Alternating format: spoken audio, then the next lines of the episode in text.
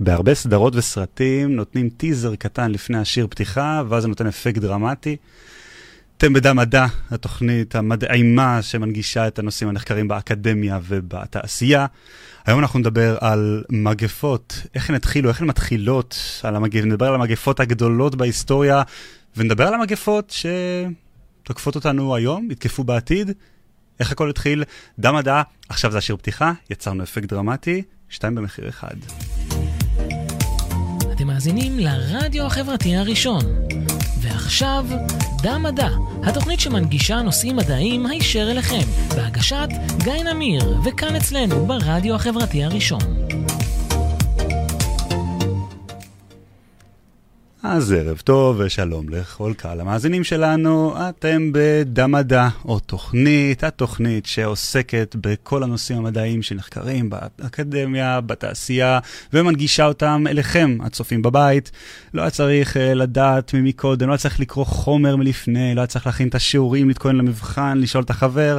אנחנו מתחילים את הנושא, כל הנושאים המדעיים ברמה הבסיסית ביותר, ומנגישים אותם אליכם, הצופים בבית. היום, אה, אנחנו נתעסק בתוכנית, נתעסק בתוכנית, אנחנו נתעסק במגפות. אה, מגפות, אנחנו כולנו שמענו את המילה, אנחנו יודעים במה מדובר, אבל אני רוצה היום להתעמק בנושא הזה, הן מהבחינה הביולוגית והן uh, מהבחינה ההיסטורית. אז מגפות, בעצם, אני גם קצת אקרא מהדף, תסלחו לי, גם אני לא למדתי ושיננתי לפני. למדתי קצת.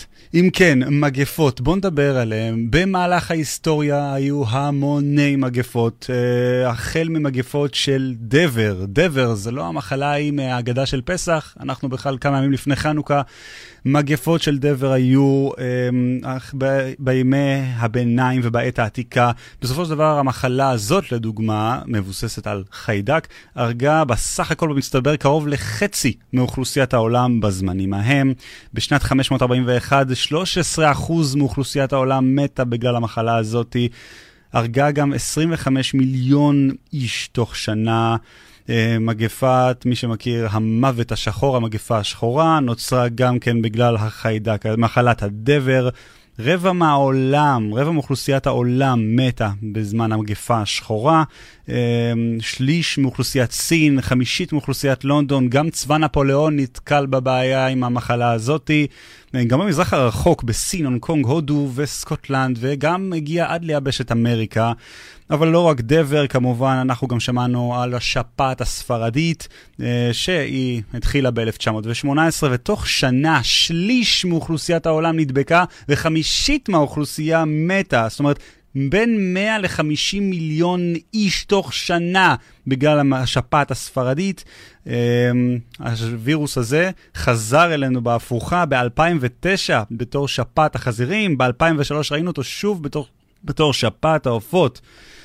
עוד מחלה נוספת שגם כן נחשבת למגפה היא הסארס, שתוך כמה שבועות 26 מדינות נדבקו במחלת הסארס, ו-10% מאלה שנדבקו מתו ממנה. גם האבולה, שזה גם כן מחלה ששמענו עליה בשנים האחרונות, שפרצה ביבשת אפריקה, וגם ה-HIV, הנגיף שגורם למחלת האיידס, גם הוא למעשה נחשב למגפה. על HIV, כמובן, אם תרצו עוד לשמוע, אה, לפני כמה תוכניות, שהראינו את דוקטור נטליה פרוינד, אה, מוזמנים לצפות בה שוב, פרסום קטן, ולשמוע יותר על, מחל נגיף ה-HIV ועל מחלת האיידס. פוליו, טיפוס, חולרה ועוד כל כך הרבה מגפות. עכשיו אנחנו נדבר טיפה יותר לאט ויותר רגוע. אבל לפני שאנחנו ככה נכנסים לעומק על המגפות ועל מה שגרם אותם וכל הדברים האלה, בואו ננסה להבין את הבסיס הביולוגי למגפות. אז קודם כל, לפני הכל, ההצהרה הקבועה, אני גיא נמיר, אני אינני רופא, אני לא מוסמך לתת טיפולים או להמליץ על שום טיפולים באשר הם. מי שרוצה, מי שמחליט לקחת טיפולים על בסיס התוכנית הזאת, על אחריותו האישית בלבד.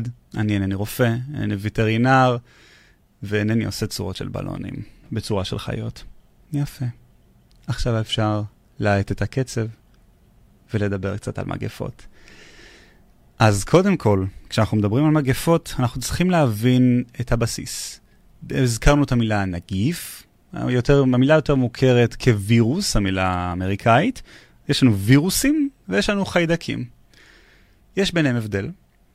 חיידק, חיידק הוא יצור חד-תאי, בעוד אנחנו, החיו, בעלי חיים שאנחנו מסוגלים לראות, אנחנו יצורים שמורכבים מהרבה מאוד תאים. חיידקים הם יצורים בעלי תא אחד, הם יכולים לחיות בזכות עצמם, להשתכפל בזכות עצמם, וכמובן לעשות בעיות בזכות עצמם. לא כל החיידקים עושים בעיות, למעשה הרבה מאוד מהחיידקים הם טובים לנו, עוזרים לנו בגוף, אנחנו לא יכולים בלעדיהם. חלק מהחיידקים לא יעשו לנו כלום, וכמובן חלק מהחיידקים יעשו לנו הרבה מאוד בעיות. זה חיידק, יצור שמסוגל להיות עצמאי ולהתקיים בזכות עצמו. וירוסים, לעומת החיידקים, הם דבר ראשון הרבה יותר קטנים.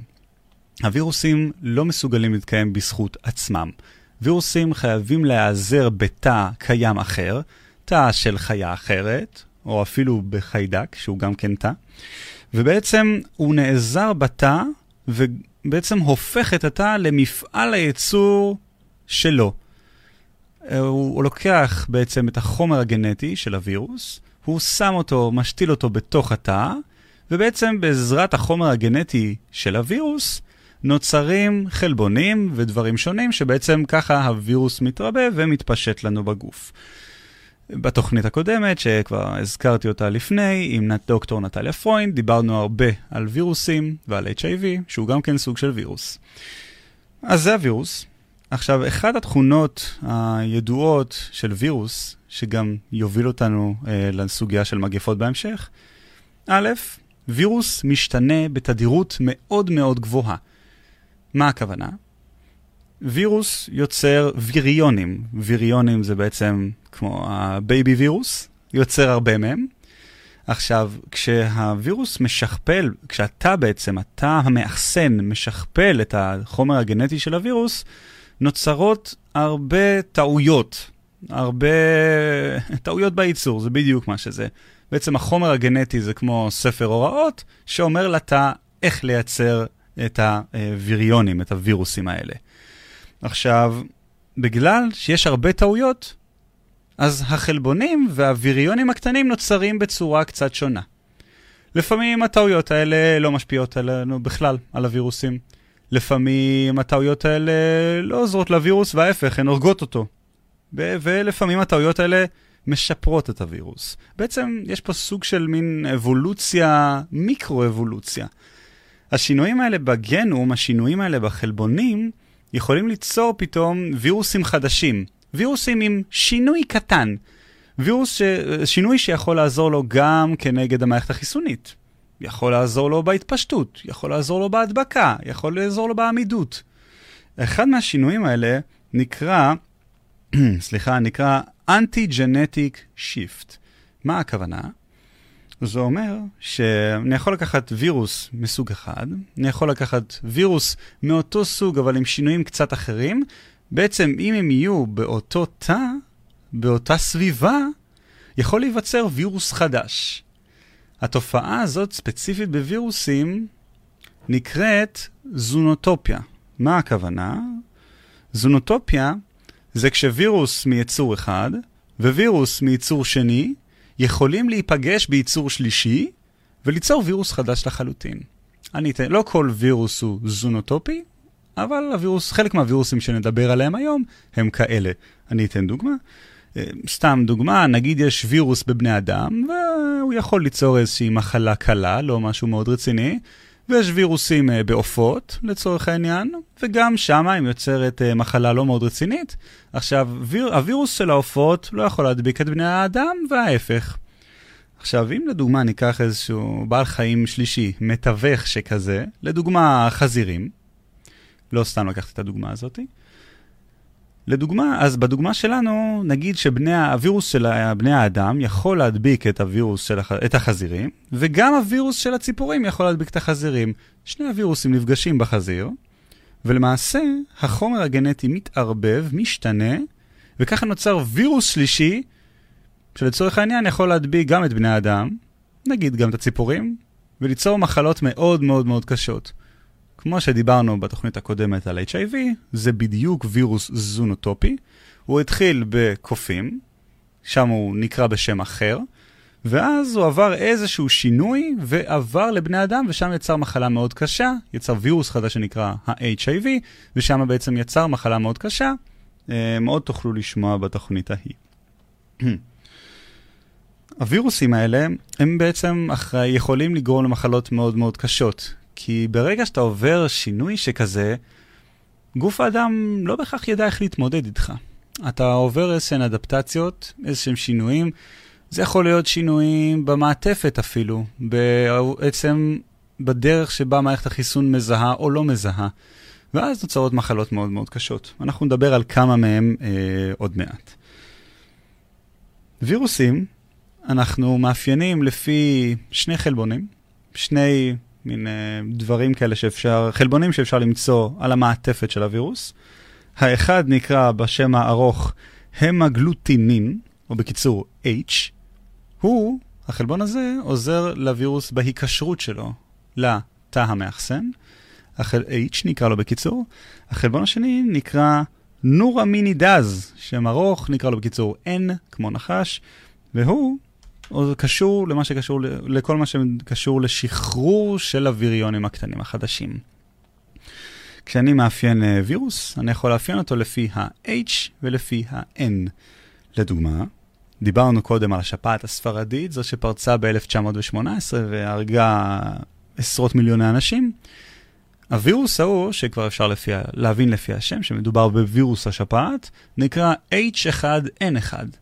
כלומר, זה הסוג הספציפי של ה-H שלו, של החלבון הזה שנקשר לתאים, וזה הסוג הספציפי של ה-N שלו, של החלבון שעוזר לווריונים להתפשט ולצאת מהגוף, מהתא המאחסן ולהתפשט בעצם. אנחנו יכולים לדוגמה לדבר על וירוסים של שפעת, שזה שם כללי לווירוסים.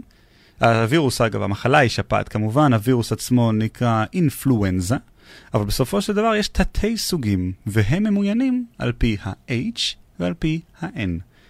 לדוגמה, ב-2009, הנה השפעת, השפעת הספרדית, ושאחרי זה הפכה גם, חזרה 90 שנה אחרי זה ב-2009 לשפעת החזירים, הם שניהם אותו תת וירוס של אינפלואנזה, שפעת, נקרא H1N1. ב-2003, כשפרצה שפעת העופות, זה גם היה וירוס אינפלואנסה, אבל הוא היה H5N1. ה-H שלו הוא שונה, זה H מספר 5, ה-N שלו הוא דומה לווירוס הקודם. אז דיברנו על הבסיס הביולוגי. בואו נדבר רק שנייה, אז עכשיו, איך אנחנו בעצם עוברים מזה למגפות. ההגדרה של מגפה היא בעצם מחלה שהתפשטה ביותר ממדינה אחת, במספר מדינות, ביבשות שונות, היא ממש התפשטה ברחבי העולם. ארגונים שונים, כמו ארגון הבריאות העולמי, WHO, אה, בקיצור, הוא, כמו מי באנגלית, וגוף נוסף שנקרא CDC, שאחראי על התפשטות של מחלות ועל המניעה והטיפול בהן, הם, שני הגופים האלה עוקבים אחרי הם, אה, התפשטויות שכאלה. הם בעצם חילקו את המגפה לשישה שלבים על פי ההדבקה. זה מתחיל ממצב שבו יש וירוס שמדביק רק חיות, הוא נשאר עדיין בחיות, הוא עוד לא עבר לבני אדם. לאט לאט זה עובר למצב שבו הווירוס יכול גם להדביק בני אדם, ולמצב שבו בן אדם אחד יכול להדביק בן אדם שני, זה לא מובן מאליו, ואז זה ממשיך למצב שבו מדינה אחת מודבקת, ולשתי מדינות ולכמה מדינות שכנות מודבקות, וכמובן הרמה הכי גבוהה, זה כשכמה מדינות מיבשות שונות נדבקו.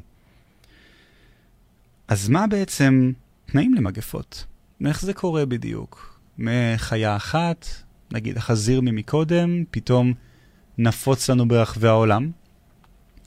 אנחנו בעצם, דבר ראשון, אם נחשוב הגיוני, אנחנו צריכים איזושהי דרך הפצה. וירוסים כאלה, או חיידקים, בדרך כלל צריכים להיות מאוד נגישים לנו. או שהם נישאים באוויר, או שנמצאים במשהו שאנחנו רואים די הרבה שמאוד נגיש לנו, ואז אנחנו כל הזמן ניגשים אליו, אנחנו כל הזמן נגישים לווירוס או לחיידק הזה. אנחנו צריכים הפצה, לדוגמה, בספינות, ברכבות, בעזרת עזרים שחוצים יבשות. ואגב, זה בדיוק הסיבה שמגפות תמיד הופצו בגלל בני אדם. בני האדם תמיד חצו יבשות ונדדו בין מדינות ומקומות, ובעצם לקחו איתם את החיידקים והווירוסים ממקום אחד למקום אחר, וככה בעצם הפיצו את הווירוס למדינות ומקומות רחוקים. אתם תראו שגם בהמשך, כשנדבר על כל מיני מגפות ספציפיות שהיו במהלך ההיסטוריה, תמיד היה שם אלמנט של הפצה בזכות בני אדם. בזכות, בגלל בני אדם. הדבר השני, בעצם, זה איזושהי צפיפות של אוכלוסייה מסוימת. מן הסתם במקום שיש בו אוכלוסייה מאוד מאוד צפופה, יהיה הרבה יותר קל לאיזשהו גורם כזה להתפשט ולהיות מופץ, מאשר באזור שהוא מאוד מאוד ריק. אזור בלי אנשים, יהיה לו קשה להיות מופץ ולהתפשט הלאה. במקומות מאוד מאוד צפופים, זה יהיה מאוד מאוד קל. בגלל זה, אגב, האוכלוסייה שלנו, המדע משתפר, ואנחנו בעצם באמת התקדמנו שנות אור באמצעים שיש לנו כדי לטפל במחלות בכללי, אבל הפוטנציאל למגפות לא ירד בכלל, ולמעשה הוא עולה. מהסיבה הפשוטה שככל שהטכנולוגיה מתקדמת, הרפואה מתקדמת, אבל גם אמצעי התחבורה וההפצה שלנו מתקדמים. גם האוכלוסייה שלנו גדלה, ואנחנו נהיים הרבה יותר צפופים. היום לטוס ממדינה אחת למדינה אחרת זה לא דבר נדיר. אני לא צריך להיות אה, חייל שנשלח לחזית, או איזשהו מלאך, או חייל כובש, או מה שזה לא יהיה. כל אחד יכול לקחת איתו את החיידק או הווירוס, ולשאת אותו למדינה אחרת, ואם הוא לא הביא איתו אה, מתנות מהבית, הוא יכול להביא איתו משם חיידק או וירוס למדינה. גלובליזציה בעצם מעלה את הפוטנציאל להתחלה של מגפה. ניקח הפסקה, נשמע שיר. אני יודע שקודם דיברנו על, uh, על זה שעוד מעט, עכשיו עוד מעט חנוכה והכל, אבל דיברנו על מגפת הדבר. כשאנחנו חושבים דבר, אנחנו ישר חושבים על uh, פסח, זה קצת עקיף. השיר הראשון, אנחנו נשים אותו, נקרא Play the Plagues מנסיך מצרים, של אולפני DreamWorks. אני יודע שחנוכה, אבל בכל זאת, דיברנו על דבר, מכות מצרים. השיר הזה מוקדש לאחותי גל. תהנו.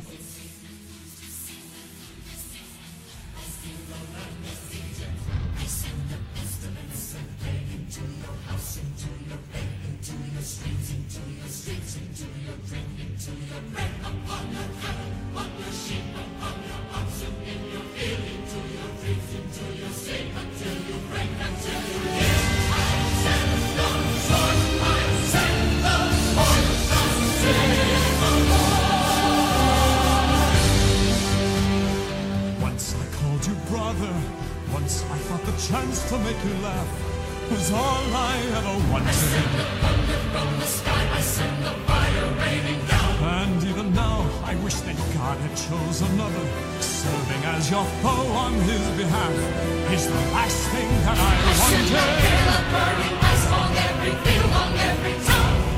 This was my home. All this pain and devastation, how it tortures me inside. All the innocent who suffer from your stubbornness and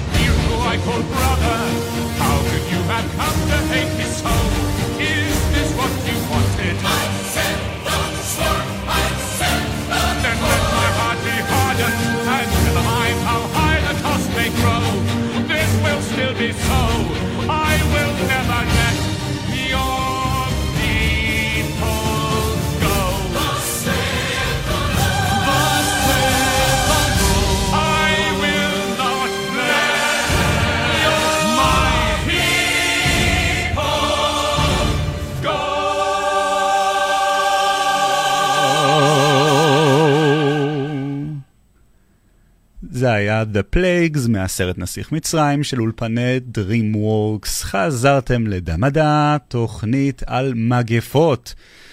דיברנו על הבסיס למגפות בעצם על חיידקים ועל וירוסים, נגיפים בעברית, ועל איך בעצם הם, אה, מה ההבדל ביניהם, ועל הבסיס למגפות, מה צריך בעצם, למג, מה מגפה צריכה בעצם בשביל להתפשט, איך זה בדיוק עובד, ונתנו בהתחלה, הייתה כזה פתיחה דרמטית עם המון מגפות וזה.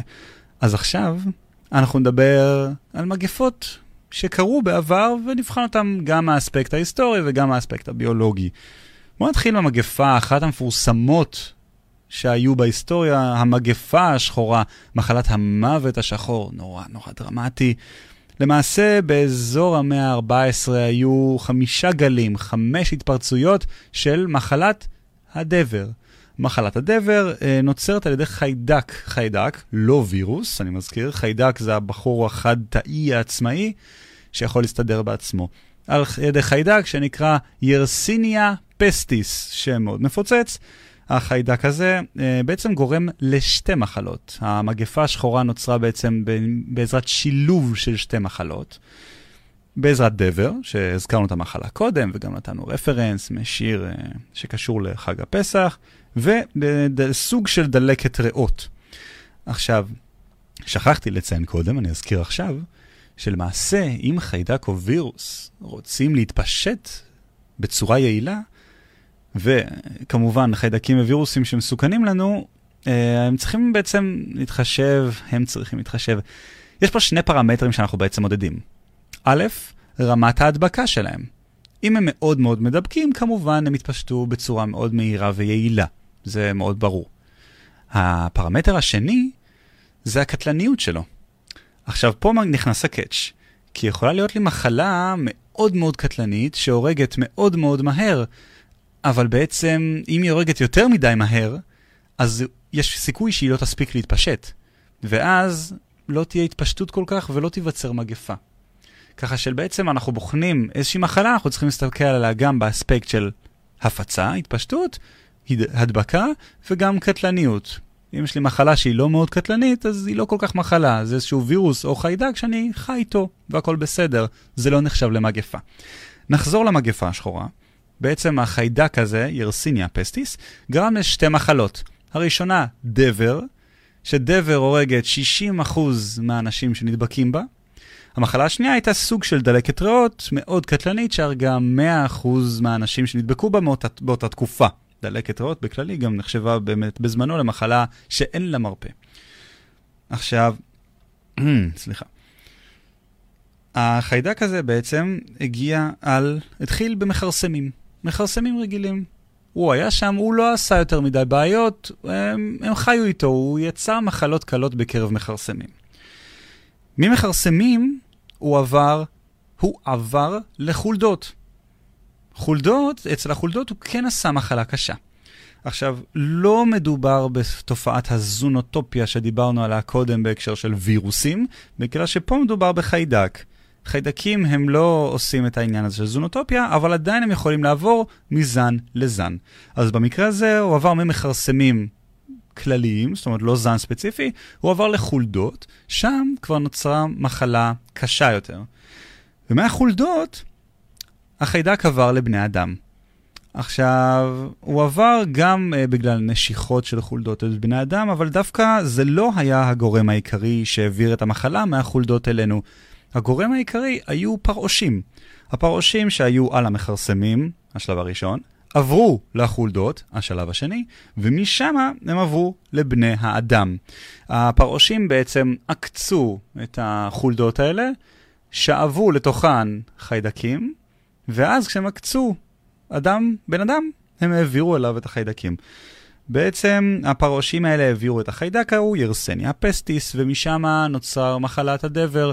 המחלה הזאת מאופיינת, יש לה גם מאפיינים מאוד מאוד קלים יחסית, ובסופו של דבר, הפרמטרים הקשים שבגללם הדבר נחשב לכל כך קטלני, נוצר זיהום בדם והרבה נמקים ושטפי דם וכתמים שחורים על האור, וזו הסיבה שקוראים לה המחלה השחורה. בגלל שהיו כתמים שחורים על כל מי שנדבק. אה, אמרנו בהתחלה שבאמת המוות השחור אה, הרג חצי מאוכלוסיית אירופה ורבע מהאוכלוסייה הכללית העולמית. זו הייתה מגפה נוראית שעברה בין מדינות. איך היא התחילה? היא התחילה, יש טוענים, זה, יש איזושהי עדיין דילמה על זה, אבל ככל הנראה זה המקור. הצבא המונגולי צר בזמנו, בעצם תקף עיר שהיום נמצאת באי קרים, אמ, עיר קדומה שנקרא קאפה או קאפה, אני לא כל כך יודע. אבל בכל מקרה, הצבא המונגולי צר על העיר, על העיר הזאת, ובעצם הכניס אותה לתחת מצור. Um, התחילה המחלה הזו דווקא בצבא המונגולי, התוקף. המונגולים, uh, בחוכמתם, עשו את המתקפה הביולוגית, uh, לא, כנראה שלא הראשונה, אבל הם עשו פה מתקפה ביולוגית, ופשוט זרקו את הגופות של המתים לתוך העיר הבצורה. התחילה המחלה בעיר הבצורה, וככה הם uh, בעצם תקפו אותם בעזרת דבר. אנשי העיר, בני הג'נובה, לא נשארו חייבים, ולמעשה, אבל המצור לא כל כך הצליח. בני הג'נובה הצליחו לשחרר ספינות מהמצור, ובעצם ככה לשבור את המצור. לא היה פה איזשהם ביצורים ימיים, לא הצליחו uh, לאגף אותם מכל הכיוונים, וככה הצליחו לשלוח ספינות ולהביא אספקה. וככה התפשטה המוות, מגפת המוות השחור. אנשים חולים שנשאו את החיידק, שטו ברחבי העולם, וככה העבירו את החיידק למקומות אחרים. וככה הופצה המגפה. זו עוד דוגמה ללמה בני אדם תמיד אחראים על תפוצה של מגפות. אנחנו היחידים שלוקחים את הרגליים ופשוט שתים או עפים, טסים או נוסעים למקומות מרוחקים. זו הייתה מגפת המוות השחור, ואנחנו גם מכירים את המגפה הזאת בהקשר אה, יהודי. נכון, היו שמועות בזמנו שהיהודים הם אלה שמפיצים את המגפה בשביל לחסל את האוכלוסייה הנוצרית, ויש פה איזושהי מזימה יהודית. כמובן שזה לא נכון. הסיבה הפשוטה, היו בעצם שתי סיבות שבגללם יהודים לא נדבקו. לא מדובר באיזשהן יכולות אה, מופלאות שלנו. הסיבה הראשונה וההגיונית ביותר, יהודים תמיד חיו באוכלוסייה מבודדת, הם תמיד התבודדו, ולכן הם פחות התערבבו עם האוכלוסייה המקומית. לדוגמה, אם אני אזרח נוצרי פשוט, אני הולך כל ראשון או כל ערב לכנסייה, מקום צפוף, משהו שתורם להתפשטות של, להתפשטות של מגפות, וככה בן אדם אחד שחולה יכול להפיץ את המחלה לכל הכפר ולכל העיר. יהוד, היהודים שלא הלכו לכנסיות ולא הלכו למסיבות הגדולות, נשארו ברובעים שלהם ולמעשה נחשפו פחות למחלה. הסיבה השנייה זה, ש... זה מצוות נטילת ידיים. במילים הכי פשוטות, היינו מודעים להיגיינה. שטפנו ידיים לפני האוכל. ובתקופה ההיא לא היו מודעים להיגיינה או לדברים כאלה, לא שטפו ידיים, והכל התערבב בהכל, ולכן לא ממש שמרנו על היגיינה, והיה מאוד קל אה, לעקץ על ידי פרעושים של, אה, של נושאו חולדות. פשוט רחצנו ידיים והבנו את העניין הזה של היגיינה. איך פתרנו את מחלת הדבר? כמו שפתרנו הרבה מאוד אה, מחלות חיידקיות, בעזרת אנטיביוטיקה. כן, כן, זו התרופה, היא הברירת מחדל שהרופא נותן לנו כשהוא, כשהוא קובע שיש לנו חיידק. אנטיביוטיקה, דרך אגב, התגלתה בדרך כל כך מקרית, אגבית ומדהימה. מדעימה כמעט כמו התוכנית המדעימה. Uh, מדען בשם אלכסנדר פלמינג, מאוד מאוד מפורסם, בכלל חקר חיידקים. הוא גידל חיידקים בצלחת פטרי, בעצם מעין צלחת כזאת עם מצע שחיידקים יכולים לגדול, להתרבות וליהנות מהחיים. בעצם חקר חיידקים. אה, פעם אחת הוא חקר את החיידקים, שם אותם בצלחת, אבל בטעות השאיר את הצלחת פתוחה. הוא לא השאיר אותה בסביבה סטרילית והרמטית. עברו כמה ימים, פלמינג חזר, וראה שפתאום גדלו עובשים, פטריות, בתוך הצלחת. אני מניח שבהתחלה הוא מאוד התאכזב, שהניסוי נהרס, כי נכנסו עובשים לתוך הצלחת, אבל אז אה, הוא הבין משהו, הוא הסתכל שוב, הוא ראה בעצם שמסביב למוקדי העובשים אין חיידקים. זאת אומרת, חיידקים נראים כמו מעין נקודות כאלה על הצלחת, ככה אפשר לראות אם גדלו חיידקים או לא, והוא ראה שמסביב לעובשים יש ממש עיגול מדויק. ללא חיידקים בכלל. וכאן הוא הבין שבעצם העובשים האלה מפיצים חומר כלשהו שמחסל את החיידקים. וככה התגלתה הפניצילין, האנטיביוטיקה הראשונה. וכמובן, טוב, זה סיפור כבר בפני עצמו, איך התפתחה האנטיביוטיקה, ובעצם האנטיביוטיקה הורידה משמעותית בסדר גודל שלא ייאמן את כל מה שקשור למוות כתוצאה ממחלות חיידקיות. גם הדבר ירה, בעצם, גם הדבר הצליח להיות מטופל בעזרת אנטיביוטיקה, והיום המינונים של מחלות הדבר, התדירות הרבה יותר נמוכה. עדיין מחלת הדבר קיימת. במדגסקר לדוגמה, לאחרונה חוקרים איזשהו זן של דבר שלא אה, מושפע כל כך מאנטיביוטיקה. אבל בגדול הצלחנו קצת להוריד את התדירות של מחלת הדבר. המגפה הבאה, נדבר על מחלת השפעת. כן, השפעת. השפעת זה המחלה הזאת שאנחנו חולים בה בחורף וגורמת לנו לכאבי ראש ולחולשה ולשיעולים. קודם הזכרנו מגפות, השפעת הספרדית, והשפעת החזירים ושפעת העופות.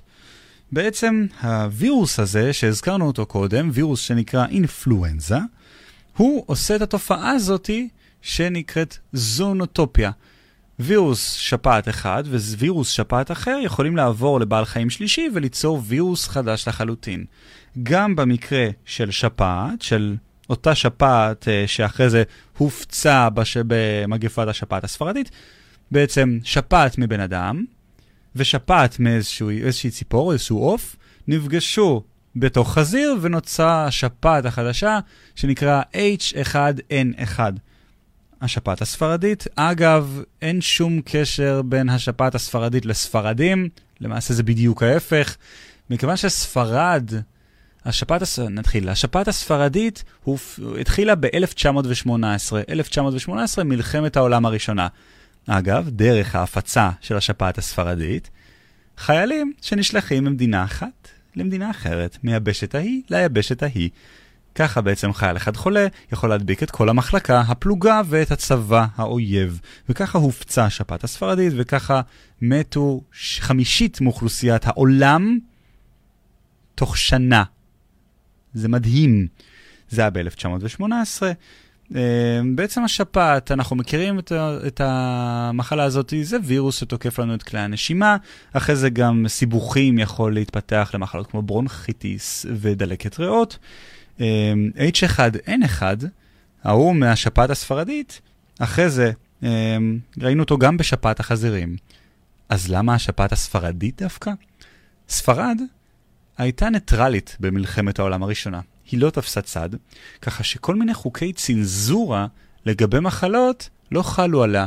המדינה לא רצתה להסתיר אחוזי הידבקות ומחלות של הצבא, לא היה להם שום אויב שיכול להאזין להם, והם היו הראשונים שהתחילו את הפרסום ואת העלאת המודעות לשפעת הזאת. אז זה נקרא השפעת הספרדית. אין פה קשר לספרדים, ממש לא.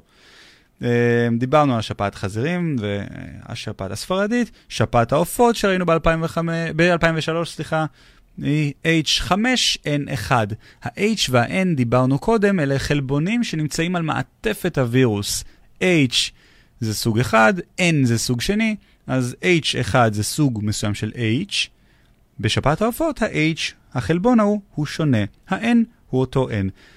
השפעת הזאת היא ספציפית, הווירוס האינפלואנזה, הוא וירוס גם שמסוגל לעשות הרבה מאוד שינויים. דיברנו בתחילת התוכנית על תופעה של וירוסים שהם עוברים הרבה מוטציות, שינויים בחומר הגנטי, ולמעשה, בחלק מהפעמים, השינויים האלה יכולים לתרום לווירוס, להישרדות שלו, להדבקה, להסתתרות שלו ממערכת החיסון. השפעת, הווירוס, סליחה, האינפלואנזה שגורם למחלת השפעת, הוא וירוס כזה. תת הווירוס, בעצם וירוס, אה, וירוס האינפלואנזה מחולק לארבעה סוגים, לפי אותיות A, B, C ו-D. כשאנחנו מדברים על, על וירוס שגורם למחלות ולמגפות, אנחנו מדברים על וירוס מסוג A. וירוס מסוג A גם מסוגל לעשות את התופעה של הזונוטופיה, לעבור לחיות אחרות ובעצם להשתנות, וגם יש לו הרבה מאוד מוטציות, הרבה מאוד שינויים. למעשה, הווירוס הזה הוא משתנה בתדירות כל כך גבוהה, שכל שנה אנחנו מגלים מוטציות, שינויים קטנים בווירוס האינפלואנזה. לכן כל שנה חיסון נגד שפעת הוא שונה במקצת. איך הוא שונה? ארגונים, שני הארגונים שהזכרנו בתחילת התוכנית, ארגון הבריאות העולמי, ה-WHO, הוא, וארגון למניעת uh, הפצה של מחלות, ה-CDC, בעצם בוחנים אל, בעזרת כלים סטטיסטיים, אילו סוגי וירוס סביר שיופצו כמגפה ברחבי העולם. איך עושים את זה? הם הבינו שיש בעצם pattern קבוע, וירוסים אוהבים להיות מופצים, בדרך כלל הם מופצים מדרום-מזרח אסיה לשאר העולם. למה דווקא דרום-מזרח אסיה?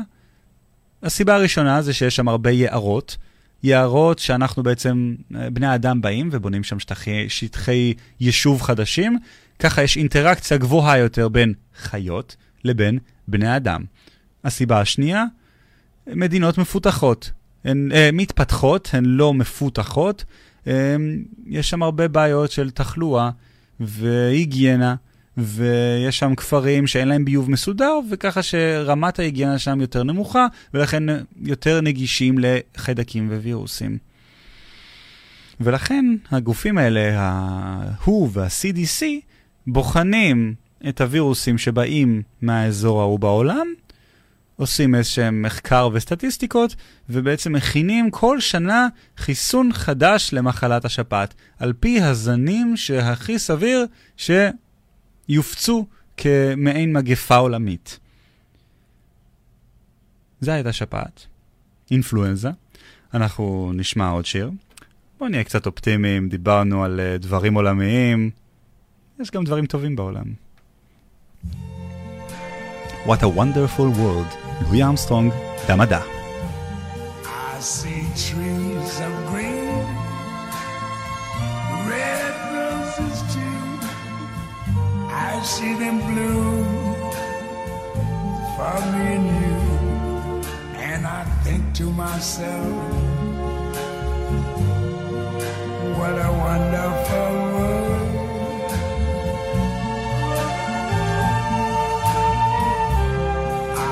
Skies are blue and clouds are white. The bright, blessed day, the dark, sacred night. And I think to myself, what a wonderful world.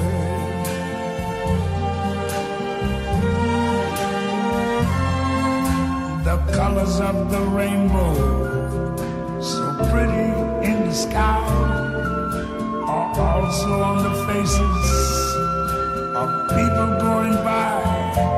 I see friends shaking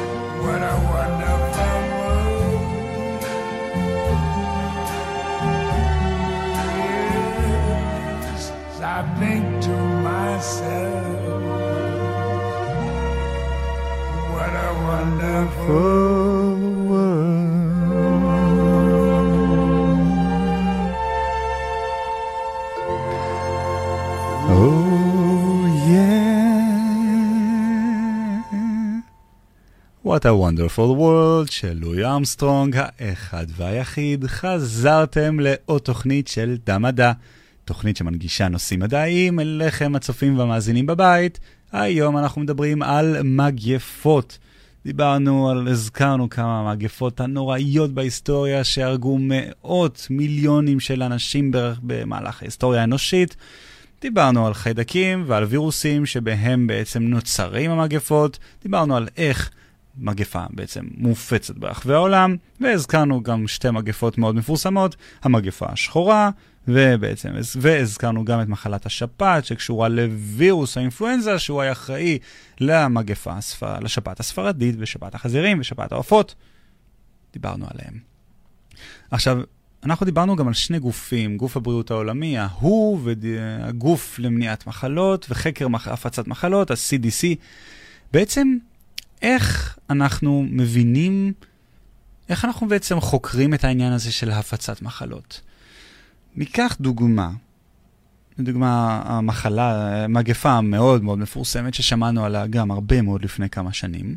בעצם הגופים האלה, שני הגופים צריכים לראות, בעצם לאסוף מידע מהחולים ולשחזר אחורה מתי הם היו באותו אזור, מתי הם שהו באותו, באותה עיר, באותו בית, באותו מטוס אפילו זה יכול להיות, באותה תחנת רכבת. לשחזר את זה עד שמוצאים את החולה הראשון, ואז בעזרת החולה הראשון, במידה והוא עדיין בחיים, להבין איך בעצם נדבק אותו חולה בווירוס או בחיידק הרלוונטיים. דוגמה מאוד טובה לכך, למין סיפור כזה שעכשיו אספר לכם, אה, למחלה שאנחנו כולנו מכירים, אה, נקראת בראשי תיבות, hmm, מצחיק, אני לא זוכר את ראשי התיבות, אבל הקיצור שלהם הוא סארס. אה, אנחנו שמענו על המחלה הזאת הרבה מאוד, באמת מגפה שהופצה, אני אספר לכם איך הכל התחיל. נחזור אחורה לשנת 2002 לסין. Uh, בעצם איזשהו שוק בעיירה מקומית בסין. בשוק יש הרבה מאוד, uh, בעצם שוק שנמצא ליד איזשהו יער טרופי. Uh, גורם לתושבים לצאת ליער ולצוד את החיות האלה וממש למכור אותם אה, ממש כמו שהם בשוק, לא בתוך אריזת אה, פלסטיק נצמד עם ואקום, מוכרים חתיכות בשר. חתיכות הבשר האלה, דם מטפטף, דברים מתערבבים, ולמעשה אנחנו לוקחים הרבה מאוד חיות ומערבבים אותם אחד עם השני. אמ, בסין, באותה עיירה, קנה הבן אדם הראשון בשר, הכין לעצמו ארוחת ערב, הוא הגיע לבית החולים עם מעין, אה, בעצם תסמינים שמזכירים אה, דלקת ריאות, ובעצם, hmm, לא, לא הצלחתי להיזכר. anyway, הוא הגיע עם תסמינים שדומים לדלקת ריאות, אמרו אוקיי, יכול להיות שזה דל... סוג של דלקת ריאות, ובעצם לא הצליחו לטפל בו והבן אדם מת. עכשיו, מישהו מצוות בית החולים טס להונג קונג. Uh, סליחה, זה לא היה מישהו מצוות בית החולים, בעצם בן אדם אחר שגם כן נדבק במחלה, טס להונג קונג ושהה בבית מלון. עכשיו, האיש ששוהה בבית המלון נמצא בחדר, אבל יש עוד חדרים בקומה. הבן אדם השתעל, אחד התסמינים של סארס זה בעצם שיעול, ויכול גם להקיא ולהתעטש. בעצם, עם כל ההפצה הזאת בעזרת האוויר, הוא הפיץ את הווירוס הזה, שנקרא SARS-CoV, CoV, בעצם 16 אנשים שהיו עם הבן אדם הזה באותה קומה נדבקו. בן אדם אחד טס לווייטנאם, ושם כבר התחילו לו כל התסמינים, הגיע לבית החולים, והוא הדביק רופא אחר שטס לבנקוק. כבר שלוש מדינות עם חולים בתוכן, מעט, אבל עדיין. מישהי אחרת ששהתה באותו מלון, טסה לטורונטו. בטורונטו טיפלו בה, והיא הדביקה את הצוות הרפואי להדביק צוות רפואי בבית חולים זה בעיה מאוד מאוד מאוד רצינית, כיוון שלא רק שבית חולים שלם יכול להידבק, בבתי חולים גם הרבה פעמים ישנה אוכלוסייה שגם ככה יש לה מערכת חיסון חלשה, בגלל כל מיני טיפולים או מחלות או תנאים מסוימים, ככה שהם נדבקים. עכשיו, גם בטורונטו, הווירוס הזה הצליח להגיע לבן אדם שהלך לבניין דירות, הבן אדם היה בבניין, היה בשירותים, ודרך השירותים, נכון, יש לנו מין אוורור כזה למעלה של השירותים לפעמים, דרך פתחי האוורור הצליח להדביק את כל הבניין.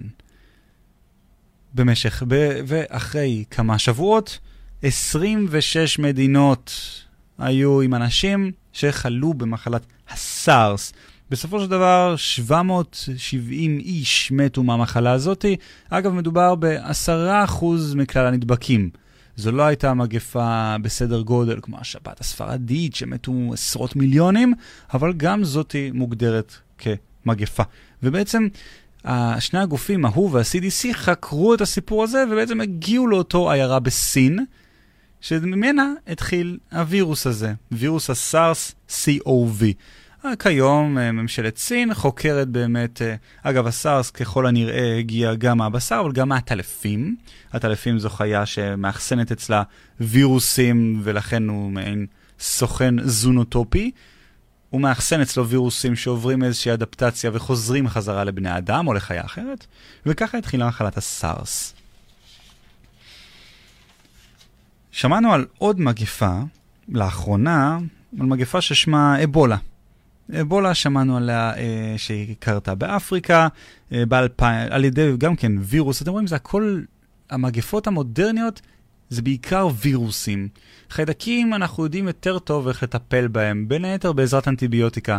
בווירוסים, יש לנו אמצעים לטפל בהם, יש לנו אה, חיסונים בעיקר, זאת אומרת, אנחנו יכולים להימנע אם אנחנו מתחסנים מראש, אבל קשה לנו, אין לנו ממש תרופה שמרפאה אותנו במידה ואנחנו כבר חולים.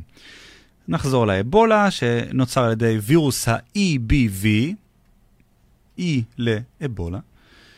ב-2014 אה, פרצה האבולה באפריקה, ומתוך עשרת אלפים איש שנדבקו, 49% מתו ממנה. זה אחוז מטורף, ולא ידעו איך לטפל בזה. וברגע שראו, הבינו, שיש גם מקרים שיצאו ממדינות אפריקה ומהיבשת, והיו למעשה 17, 17 מקרים של אבולה מחוץ לאפריקה. המחלה הזאת, הווירוס בעצם עובר מאדם לאדם בעזרת נוזלי גוף. אה, יכול גם דרך ריר, דמעות, אבל גם דרך דם וזרע. אה, ואז המחלה דעכה עד אזור מרץ 16, עדיין יש מקרים של אבולה, אבל כבר לא מדובר במגפה כמו שדובר לפני כמה שנים. בסופו של דבר, עד מרץ 16 מתו 39% מהאנשים שנדבקו, כלומר 11,000 איש נפטרו מווירוס האבולה, מווירוס ה-EBV שגרם למחלת האבולה. בואו נשמע עוד שיר. כל המחלות וכל הווירוסים גרמו לנו להיות קצת היפוכונדריים, לחשוב שאנחנו הולכים uh, לחלות בכל דבר. בואו נשמע שיר שירגיע אותנו קצת. תיאוס סחרחורת, דני סנדרסון, דם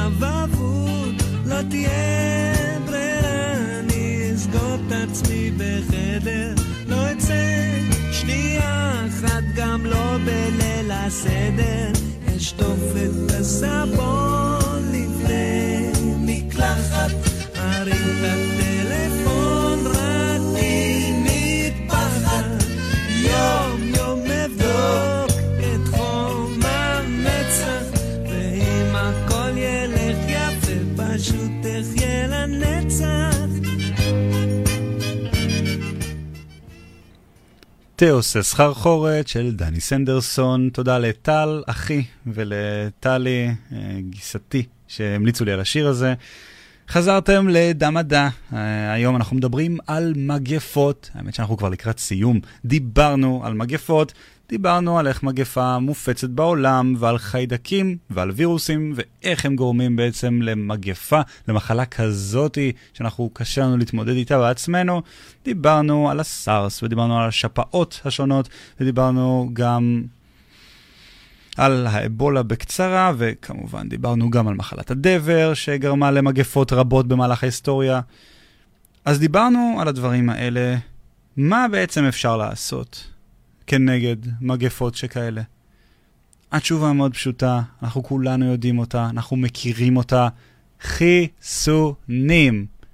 חיסונים זה הדרך של הגוף שלנו להכיר מחלות חדשות, חיידקים ווירוסים חדשים, ולהימנע מהן בעתיד. כן, אני אומר את זה כאן, לכל המתנגדים למיניהם, לכל השמועות. מדובר בקשקוש, וכל העולם המדע יודע שחיסונים הם חיוניים. חיסונים בעצם גורמים למערכת החיסון הנרכשת שלנו להכיר אה, מחלות, וירוסים וחיידקים חדשים שלא נחשפו אליהם קודם, וככה אנחנו יכולים להתמודד עם מחלות שונות. כמו פוליו, שפעם היה נוראי והיום הוא בקנה מידה הרבה יותר קטן. הדוגמה הכי טובה, הכי טובה, שאגב, מגפות, היא מחלת הבעבועות השחורות. מחלת הבעבועות השחורות היא בעצם המחלה שהרגה הכי הרבה אנשים במהלך ההיסטוריה האנושית. אה, בעצם זו מחלה זיהומית שבעצם נוצרת לנו מעין הבעבועות כאלה מזוהמות על האור, ומיליוני אנשים כבר מתו ממנה בערך בהיסט... במהלך ההיסטוריה. המחלה הזאת נוצרת על ידי אה, וירוס שנקרא וריולה מייג'ר. אה, הווירוס הזה נישא באוויר, ככה שכל שיעול או איתוש, אנחנו בעצם יכולים להדביק את הסביבה, ובעצם ככה הווירוס וירוס מופץ לו. אמרתי קודם, הכי הרבה אנשים, אנחנו מדברים על 400 מיליון איש שמתו ממנה רק במאה ה-20. המחלה הזאת היא כל כך הייתה קטלנית, ולמה אני אומר הייתה? חוקר בריטי בשם אדוארד ג'נר, הסתכל מסביב וראה שמגדלי בקר פחות, uh, הם לא כל כך חולים במחלה הזאת. הם, או שהם לא חולים בה בכלל, או שהם חולים במין ורסיה קלה של המחלה ומחלימים. הוא עשה ניסוי, ובעצם הוא ראה שמחלה אחרת של בקר, שנקראת אבעבועות בקר, גורמת לגוף שלנו האנושי להתחסן ולהיות חסין בפני האבעבועות השחורות האלה. זאת אומרת, הבקר, אנשים שהתעסקו עם בקר, הבקר חלה במחלה, בני האדם נדבקו בווירוס של האבעבועות הבקר, הגוף הכיר את הווירוס הדומה הזה, ואז מערכת החיסון ידעה איך להתמודד עם האבעבועות השחורות. בעזרת הדבר הזה, שזה לא נקרא חיסון, הוא הצליח להוכיח שחשיפה לווירוסים בתנאים נוחים כמובן, לא לווירוס חי ותקיף כמו שהוא, אלא לווירוס מוחלש או למת או לחלבונים ספציפיים מהווירוס, חשיפה אליהם גורמת לגוף להיות חסין. מאז נוצרו חיסונים הרבה יותר מודרניים, וההוא וה-CDC שבשנות ה-70 שמו לעצמם מטרה להכחיד את מחלת האבעבועות השחרות, אשכרה הצליחו להכחיד את המחלה הזאתי, ומאז 1980 לא נצפתה מחלה. לא היה אף מקרה של קשה של אבעבועות שחורות. והכל בזכות עניין החיסונים. אני אמרתי את זה בתחילת התוכנית, הצהרה, אני אינני רופא, אני לא יכול להמליץ או, להמליץ או להכווין על טיפולים, אבל אני כן יכול להגיד לכם, ללכת לרופא המשפחה ולקופת החולים, והם ימליצו, כי וואלה, הם כן רופאים. הגענו לסיום התוכנית. דה מדע, היום היה לנו תוכנית על מגפות. דיברנו על המגפות הגדולות ביותר, דיברנו על המיקרואורגניזמים, על היצורים הקטנים, חיידקים ווירוסים שגורמים למגפות, מה אנחנו בעצם צריכים כדי להפיץ את המגפות ברחבי העולם. דיברנו על מגפות ספציפיות, כמו המגפה הספרדית, ועל הדבר ועל האבולה ועל הסארס, ודיברנו על מה אפשר לעשות, וגם שמענו שירים טובים. לסיום, נגיד מזל טוב לחבר מאוד מאוד קרוב, יובל ואשתו אופיר קינן, שהיום נולדה להם במזל טוב, בתם הראשונה. מזל טוב ליובל ואופיר, מזל טוב לדני, החמודה. אתם הולכים לחוות uh, חיים מדהימים, ושיהיה לכם הרבה בהצלחה ונחת איתה, ושהיא תהנה מהחיים איתכם. עד כאן עוד תוכנית של דמדה הסתיימה. נחזור בקרוב, uh, חג חנוכה שמח, uh, וזהו, ותהיו בריאים. יאללה ביי.